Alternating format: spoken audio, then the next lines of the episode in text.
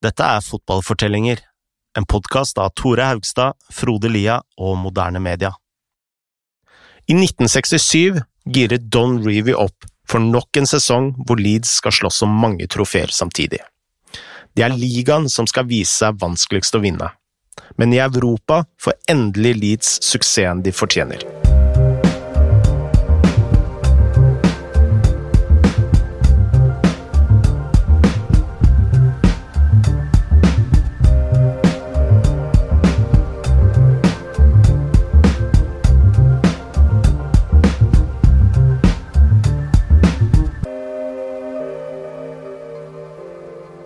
Vi er eh, altså på sommeren 1967, og det er spesielt her, syns jeg, da, at eh, man kan trekke paralleller mellom Leeds og Tottenham under eh, Maurizio Pochettino.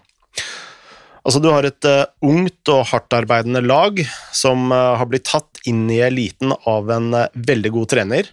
De har kommet langt i mange turneringer, men de har ennå ikke fått noen trofeer igjen for strevet. Ja, Um, bare at Leeds har kommet helt opp fra andredivisjon og, og kasta seg inn i tittelkampen på veldig kort tid. Uh, man kan jo si at noen av spillerne fått, hadde fått noe ut av det. Uh, både Jack Charlton og Bobby Collins, uh, som sistnevnte var under borte fra Leeds, hadde blitt stemt frem som årets spillere i England. Collins i 1965 og Charlton nå mest nylig i 67. Begge de to hadde også kommet seg inn på sine landslag, og det samme var sant med Sprake, Bremner og Willy Bell. Men som sagt, for laget som kollektiv så var det ingen trofeer, kun finaletap og andreplasser. Det var spesielt tungt for eh, Leeds å starte denne sesongen med et nytt finaletap mot eh, Dinamo Zagreb i Messebycupen. Leeds eh, skåret ikke et eneste mål over to kamper, og lite tyder på at problemene i angrep kom til å løse seg av seg selv. Så i september gjorde Reevy det mange mente han burde ha gjort for lenge siden, rett og slett hente en klassespiss. Mm. Den spissen var Mick Jones, en 22-åring fra Sheffield United som kosta Leeds 100 000 pund, eh, som var ny klubbrekord. Sheffield United-sjefen John Harris var fra seg over dette. Han spådde at Sheffield hadde tatt uh, sin verste avgjørelse noensinne og var så imot salget at han ja, nesten sa opp jobben i protest. og Det tyder jo på at Leeds hadde fått en uh, ganske bra spiller. Men uh, bak uh, sceneteppet, hvis man kan bruke et sånt ord, uh, skjedde det også store endringer på den tiden. Harry Reynolds, som vi har snakket veldig mye om, han sa opp jobben pga. dårlig helse. Han var nå 67 år og måtte gå rundt på krykker. Etterfølgeren hans var Albert Morris, som hadde vært direktør i seks år. Men Morris hadde ikke like mye eller like stor pondus og makt som Reynolds, som eh, hadde vært en eh, viktig støttespiller for Reevy i tillegg. Uten Reynolds ble det i praksis slik at eh, Reevy bare kjørte fullt solo, sololøp, og hadde i realiteten hele makten i klubben. Og det kom jo ikke på tale å si ham opp, eller at noen i det hele tatt turte å motsi Reevy. Mm. Altså, han var en koloss. Ja, litt som Ferguson. Eh, lite som diktatur. Eh, og utover høsten så, um, så, gikk det jo bedre for Reevy. Uh, Leeds klarte å riste av seg skuffelsen mot Zagreb, uh, og innen slutten av året så var de faktisk på tredjeplass, fire poeng bak Manchester United. Mick Jones ble en hit, og målene begynte plutselig å fosse inn. Leeds slo f.eks. Chelsea 7-0 hjemme. Og så begynte det nye året med 5-0-seiere mot Fulham og Southampton. Reevy sa at de allerede hadde spilt bedre fotball under han. I februar slo de også Derby County i semifinalen av ligacupen.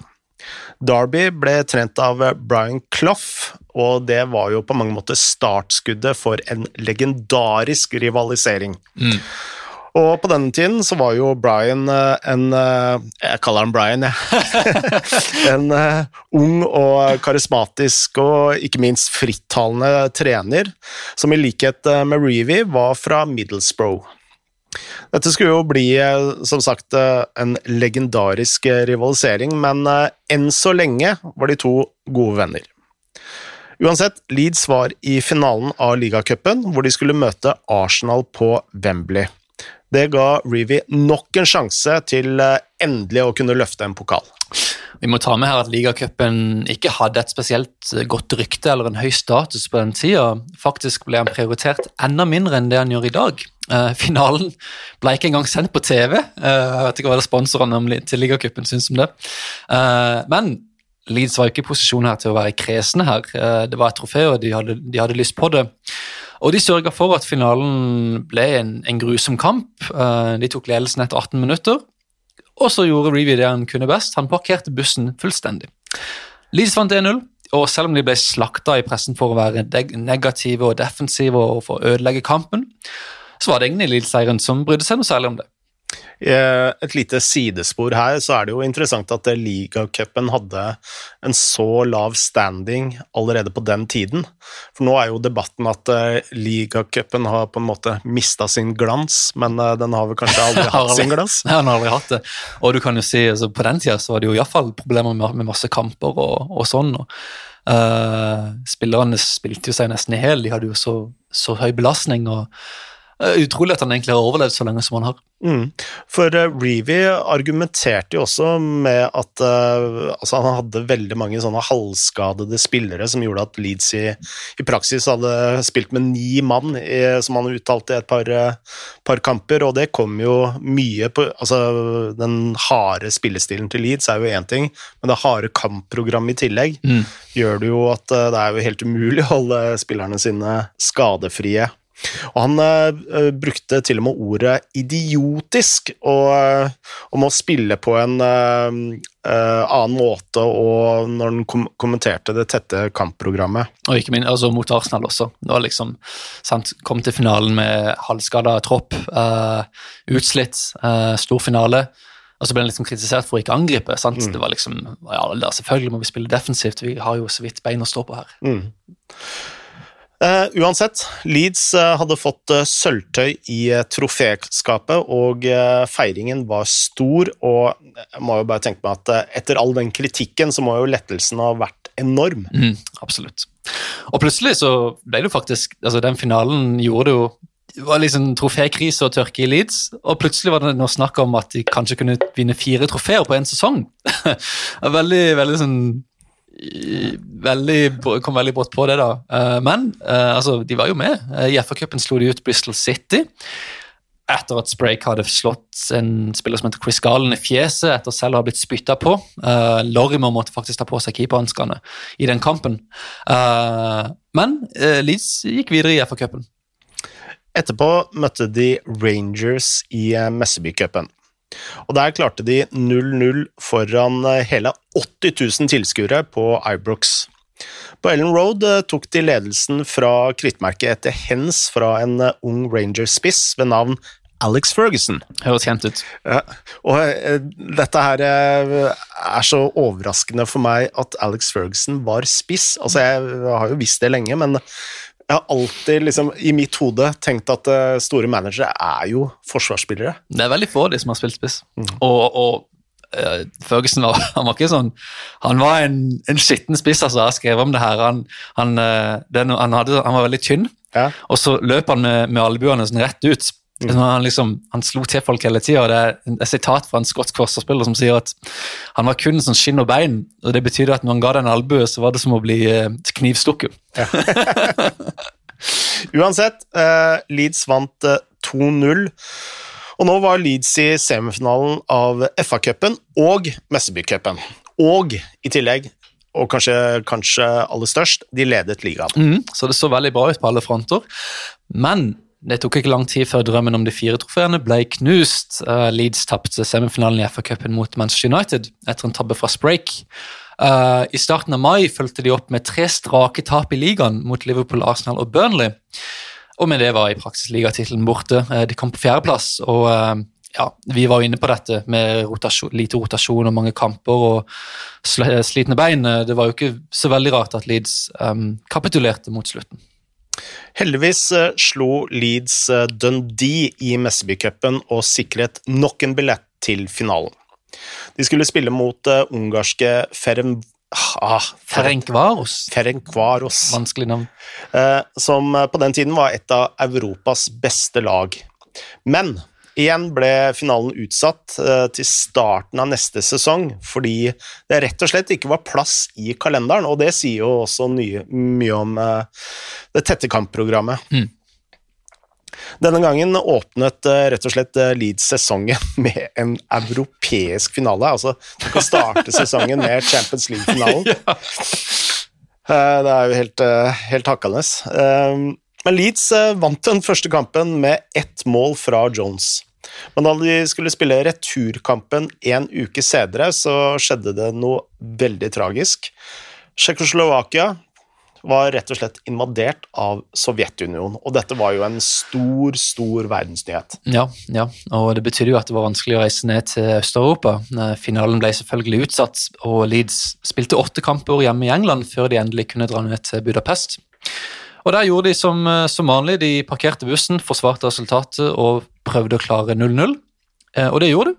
Eh, og med det så var det blitt det første laget fra England til å vinne Massby Cupen. Reevy kunne fortelle at hjertet hans holdt på å stoppe mot slutten av kampen, og at hvert av de siste minuttene føltes ut som en time. Og det kan jeg jo godt forstå når det er så mye Altså, det blir jo som en VM-finale. Ja, ja med tanke på presset. Og Leeds eh, feiret eh, på hotellet sammen med pressen og en ensom fan, som hadde haiket ned til Budapest.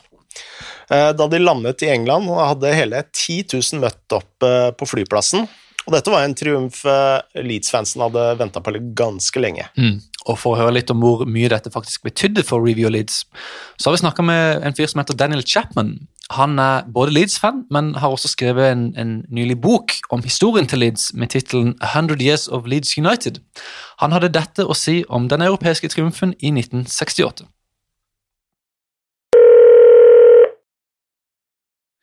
It was important because up to that point, Leeds were establishing a reputation as being the biggest losers in English football, maybe Europe. The five years after they were promoted from Division Two, they were the only team to finish in the top four every season for five successive seasons. They won more games in that time than any other team, and they lost fewer games in that time than any other team. But all the other teams won things, and Leeds United were winning nothing. It was the same story with the FA Cup. They got to the semi final three times, they got to the final once and didn't win it. And in Europe as well, they got to the Fairs Cup semi final three times and they didn't win it. And no other team was coming that close, but they couldn't get over the line to winning something. And it was becoming a complex. Um, people were talking in the press about whether the team would have to break up. Peter Lorimer might be sold. They might have to sign other players to the side that Don Revie had built was never going to deliver on its potential. But then 68 was the year when the League Cup was won first. And that was the big victory that summed up what had to be done because it was a very dour game. Um, it was a 1 0 win against Arsenal. It wasn't a sparkling match. Paul Madeley was playing as a striker because other players were injured and cup tied. And nobody would look back on that game with any fondness as a spectacle, but it was a trophy. And then going into the Fairs Cup final, it was a European trophy. And that was the arena where Don Revie knew they had to be competing and had to be winning things to be regarded as a great side. So winning those two trophies was a big weight off of everybody's mind and off their shoulders. Med to pokaler i boks eh, kunne Revie endelig se tilbake på en eh, vellykket eh, sesong. Leeds var i flytsonen, men det var fortsatt ett trofé Revie ønsket mer enn noe annet. Neste sesong skulle Leeds konsentrere seg om kun én ting, og det var ligatittelen. Målsettinga til Rivi endra seg altså i 1968. Før hadde det vært uh, liksom bare å gå, gå, etter alle trofeene de hadde sjanse på, men uh, han hadde jo sett hvor tungt dette var mot slutten av sesongen, så i 68 var det ligaen som fikk høyeste prioritet. Før sesongen samla Reevy spillerne og fortalte de at de kom til å vinne ligaen, og det uten å tape en eneste kamp. Så uh, ja, der la han altså lista. Det er viktig å nevne her at uh, Reevy justerte taktikken sin uh, noe. Uh, vi har jo hørt at Bachi har snakket om at laget på den tiden prøvde å vinne hjemme, for så å spille uavgjort borte. Og det handla jo kanskje litt om eh, poengsystemet også, at du Mm. fikk eh, eh, som i dag ett poeng for uavgjort, men eh, bare to poeng for eh, seier. Mm. Så det å, å eh, spille uavgjort eh, borte betydde jo mer enn det det gjør i dag. Godt resultat. Men eh, Leeds hadde vært for defensive borte de siste årene med tanke på poengfangsten, så sesongen før hadde de kun vunnet 5 av 21 bortekamper og skåret 22 mål.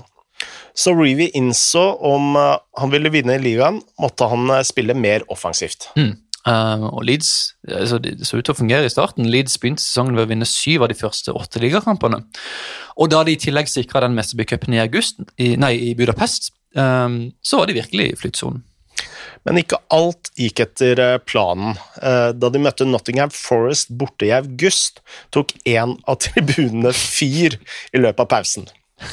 Og dette var eh, tribunen hvor eh, garderoben befant seg. Og dette burde jo ha fått eh, spillerne til å, til å liksom beine ut av bygget, men, eh, men stillingen var 0-0, og Leeds-spillerne hørte godt etter eh, på Reeves eh, pauseprat at altså, de hørte så godt at flere ikke enset hva som skjedde.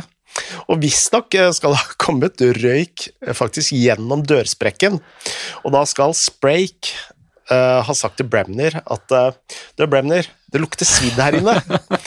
og da hadde Bremner bare svart Hold kjeft, sjefen snakker! um, samtidig uh, Jeg husker ikke hvordan det gikk med den kampen, men samtidig så dukker det opp nye kamper eh, med andre kontroverser. Eh, ikke nødvendigvis Brann hver gang, men litt sånn spark og slag på, på, ute på gresset. Leeds slo f.eks. Westham 2-0 i et oppgjør hvor Harry Redknapp ble utvist. Uh, Richard Ulliat i The Yorkshire Post skrev at frisparkene i den kampen var så mange at han bare ga opp og telle dem. Um, så var det en annen kamp i Mesterbycupen i november, uh, hvor Leeds møtte Napoli hjemme.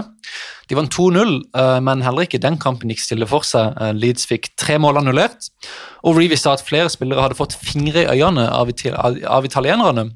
Og Mick Jones hadde fått servert en knytteneve mens han lå nede på gresset. Om dette skjedde i Leeds, tenkte Reevy, så var det fælt å tenke på hva som ville skje i eh, Napoli. Nesten to år tidligere hadde Burnley spilt eh, på samme sted, og stemningen hadde vært så amper at de ble ført ut av stadion av eh, politi på hester og en bevæpnet hær.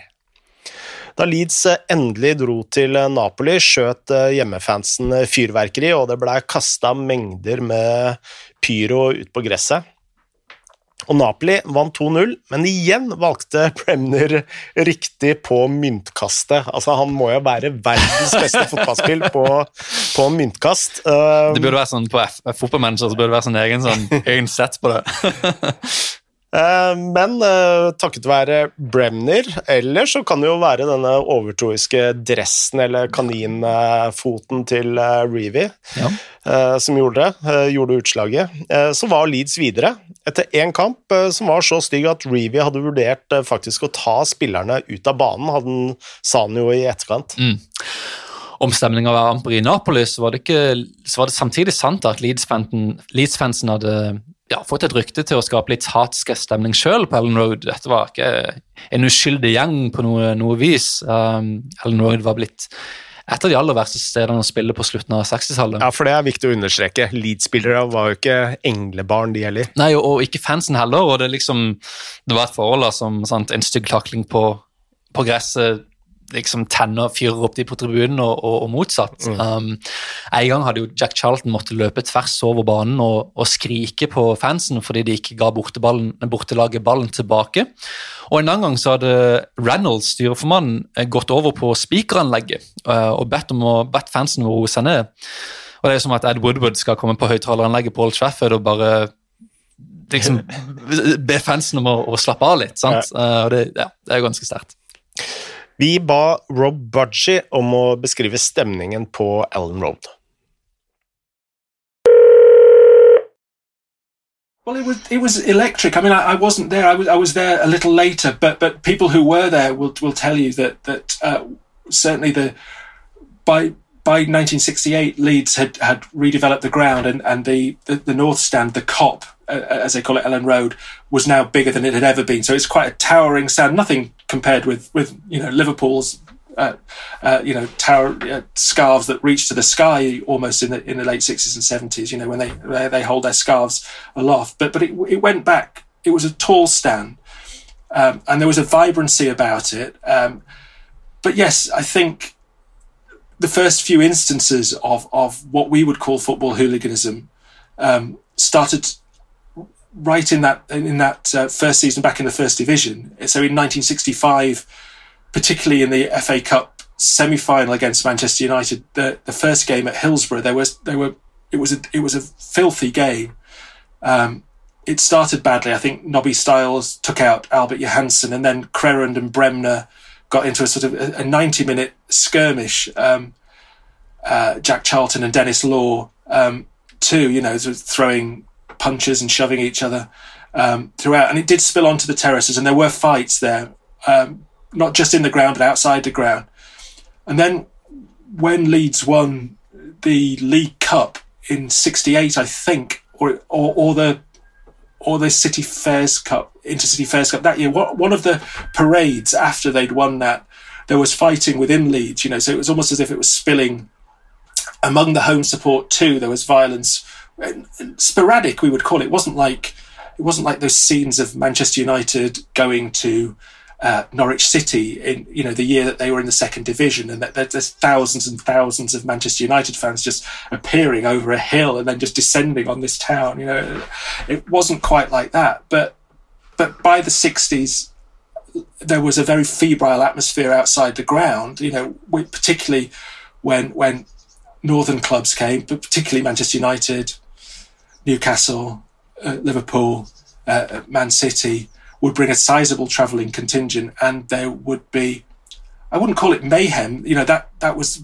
worse at the end of the seventies and the eighties. You know that would be quite terrifying to go to games at times.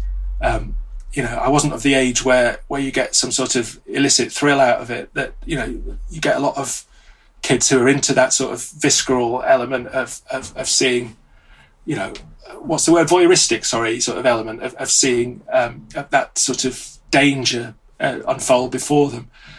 But yeah, certainly the late 60s, it was there. There was fighting, there were arrests. And I think one game after Leeds lost in the, I think they lost in, did they, was it against that, that sorry, Real Zaragoza? I can't say it properly. My, my uh, Spanish is appalling.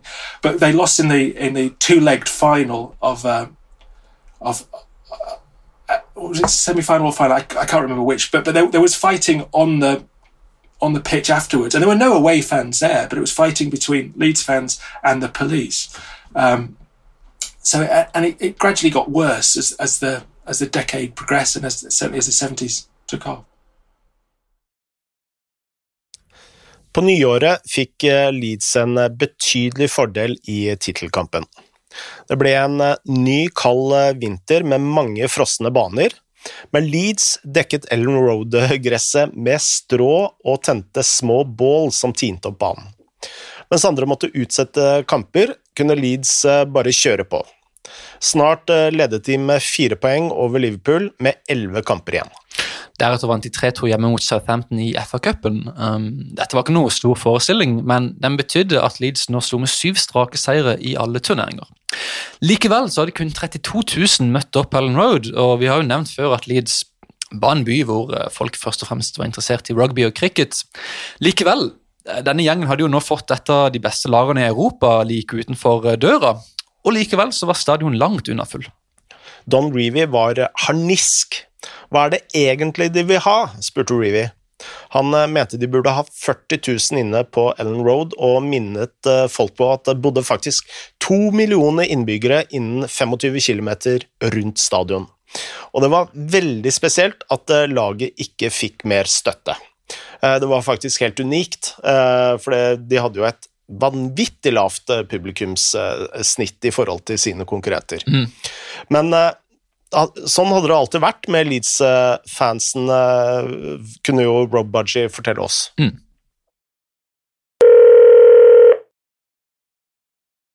We have this, strange situation where I don't think, even after 16 years in the championship, that that Leeds have ever been more popular, really, than they are now. I mean, if we had a, a ground that had a capacity of 50,000, now with Bielsa in charge, at least this season, they would be selling out.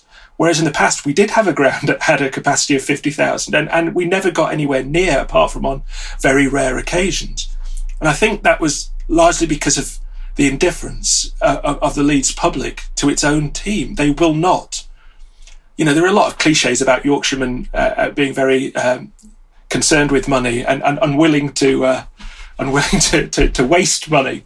Uh, but it is true that people won't pay to watch rubbish. And when Leeds have been poor, the crowds have just melted away. Um, there is, you know, there are sorts of geographical reasons too. I mean, there are. I, I spoke to um, Daniel Chapman, who also wrote a history of Leeds, um, who, who uh, writes for the Square Ball, and, and both of us have, have focused a lot on, on on this view that that people in where where Elland Road actually is is in the wrong part of the city as far as where the, the football heartlands of the city are. The football heartlands are a bit further north. And to, to, our eyes now, it seems absurd. You know, Leeds is quite a small place. You know, a journey of two or three miles across town to watch the team, you know, would just seem, you know, like no no imposition at all. But back then, certainly in the 30s and 40s, uh, you know, it was a huge thing. It would be three trams or or, or a train or a you know a, a fairly long walk into a hugely industrial area of Leeds where the ground was. And you would get lots of complaints in the local paper writing, uh, letter writing. They would have a sports mailbag every week. And people would write in complaining uh, that, you know, it was depressing to go to Elland Road, not just because the football was of a poor quality in the 30s, 40s, but because the actual area was so depressing. You know, it was, it was soot encrusted. It was, it was filthy. It was, you know, there was smoke. There was, you could smell the furnaces.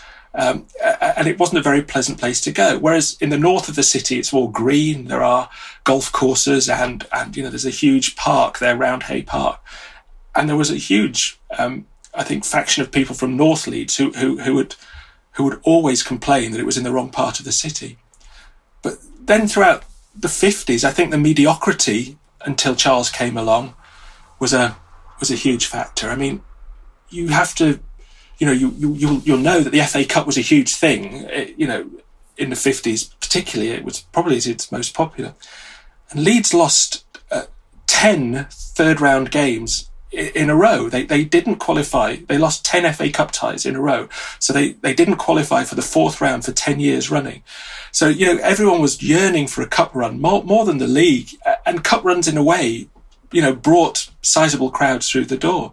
In fact, you know, Leeds couldn't even muster one win. And so there was that sort of level of um, problem with it. And then later on, when they did become popular, I think there was a certainly towards the end of the Revie time, there, there was then you, you have the, the elements of, of, of hooliganism and and the atmosphere at the ground becoming sourer uh, and um, and more hostile. And I think that started to put people off. But you still get big crowds for European games and for certain league games. Mot slutten av sesongen hadde Leeds for en gangs skyld røket ut av alle cupene tidlig. og Det betydde at de endelig kunne konsentrere seg kun om ligaen. Uh, uten at det nødvendigvis betydde at de brydde seg så mye om å underholde folk. Uh, fra slutten av mars til uh, slutten av april var resultatene 0-0, 0-0, 1-0, 1-1, 2-1, 2-0, 0-0. Eh, så det var ikke mange mål her fra Leeds, men de tapte ikke noen kamper heller. Ja, og i tillegg så klager Reevy om at det ikke kommer folk for å se på. ja, ja, jeg tror ikke han hadde så veldig stor forståelse for underholdningsverdien. Til slutt eh, hadde Leeds to kamper igjen, hvorav eh, den første var mot Liverpool på Anfield. De visste at seier eller uavgjort ville gi dem tittelen. Så Reevy gjorde det han kunne best, han spilte for 0-0. Og eh, her var det nerver ute og gikk.